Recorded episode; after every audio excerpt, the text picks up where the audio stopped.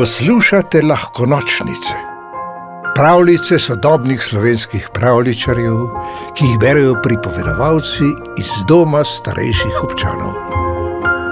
Pravo delo za pravega viteza. Nekoč je živel fant, ki je oboževal pripovedi o vitezih, princeskah, zmajih in čarovnikih. Ko je nekega dne v vasi zmanjkalo zgodb, se je odločil oditi po svetu in kašno prigodo doživeti še sam. Postal bo vitez, ker ni imel meča, si je v grmovju za začetek urezal palico.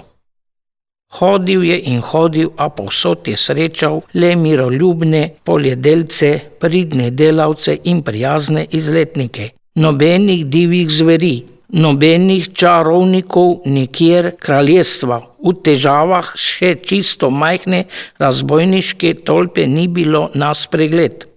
Tudi ustrajnost je viteška vrlina, je nadaljeval pot v pričakovanju dogodivščin. Ko so ga že pošteno bolele noge, je zaslišal žuborenje potočka. Ravno prav si je mislil, odžejam se in še podplate ohladim. Skozi gosto podrast se je približal potoku in zagledal tri fante, ki so nepremično ležali ob obali. Najprej je pomislil na najhujše. Potem se je eden od fantov obrnil in tudi pri drugem je opazil dihanje. Očitno še živijo toda takole na tleh skoraj brez obleke. Gotovo so jih napadli in ropali, je razmišljal. Skočil je iz grma in divje zaupil. Ne pridi pravi, če ste še tukaj, poberite se. Toda na mesto ne pridi pravo je prestrašil le dečke. Presplašeni so si zakrili obraze. Nikar nam ne stori žalega, je zajokal eden ničesar vrednega nimamo. Seveda, saj so vas vendar oropali, je dejal Vites. Ne, nihče nas ni oropal, so se hiteli oblačiti in obuvati.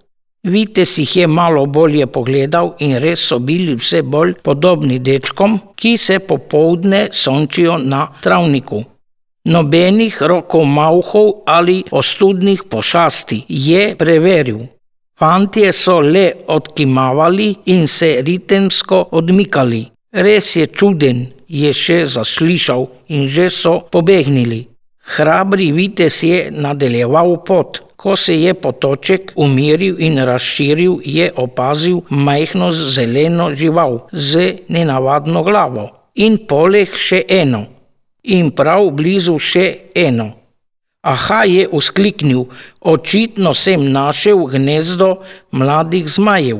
Ker v teh krajih ni prav veliko princesk, bo najbolje, da jih odnesem drugam. Brž je začel loviti male zelene pošasti, ki so se glasno razbežale. Bi lahko, prosim, nehal plašiti žabe, se je oglasilo za njegovim hrbtom. Vite se je zdrznil, povsem je pozabil na previdnost. Če dobro, da ga je na mesto zmaja nagovorila gospa z očali. Strogo mu je žugala s prstom, ob njej je stala gručica otrok, ki so nekaj zapisovali. Lahko, dragi mladenič, nehate motiti pouk o doživkah. Vitez je zardel in še enkrat pogledal proti zelenim pošastim. Od blizu so bile res bolj podobne žabam kot zmajem. No, bo šel pa še malo naprej. Pot ga je vodila skozi gozdič, na koncu katerega se je odprl pogled na mesto. Velike hiše in hrup ga niso zmedli. Za viteza se pač povsod najde priložnost in res je zaslišal presumljivo kričanje. Pred seboj je zagledal množico zbrano ob vznožju hribčka, vrh katerega je mlado dekle v čipkastih oblačilih upilo na pomoč. Na glavi je imela zlato kronico, nedvomno je bila princeska, goreče se ji je približeval velikan. Vite se je za hip začudil množici, ki je samo strmela v ubogo princesko v težavah, a se takoj zatem pognal po hribčku in s palico neusmiljeno zamahnil proti velikanu. Od nekod sta pritekla upisane cunje oblečena možaka in ga poskusila ustaviti. To, da mladi vitez je neustrašno podil velikana, ki se je nerodno izmikal, dokler ni telebanil v zrak in pri tem požrl bučen aplaus. Si znorev, vse boš uničil, je nekdo le zgrabil viteza, da ni mogel več udrihati naokrog. Pusti ga, Beno. Publika je navdušena, je rekla princeska in objela zmedenega viteza. Iz ozadja se je prikazalo še več pisano oblečenih ljudi. Celo velikan se je nekako spravil na noge, le da se je zdaj zdel pol manjši. Skupaj so se obrnili proti množici pod hribčkom.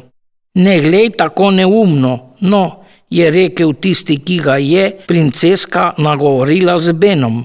Prikloni se že. Vite se je priklonil in ljudje spodaj so navdušeno zaploskali. Potem so se priklonili še skupaj pa princeska, posebej pa Beno in Velikan, na to še vitez s princesko, tako da so postali že pošteno utrujeni, preden se je množica spodaj rašla ga bomo vzeli v gledališko skupino, kaj ne? je rekla princeska. Če mi ne bo vsakič polomil hodulje, je kislo prikimal velikan. Vitez je zmedeno pogledoval naokrog, a dekle, ki je medtem že snelo krono, mu je bilo všeč, pa čeprav očitno ni bila prava princeska. Napad ste le zaigrali, kaj ne?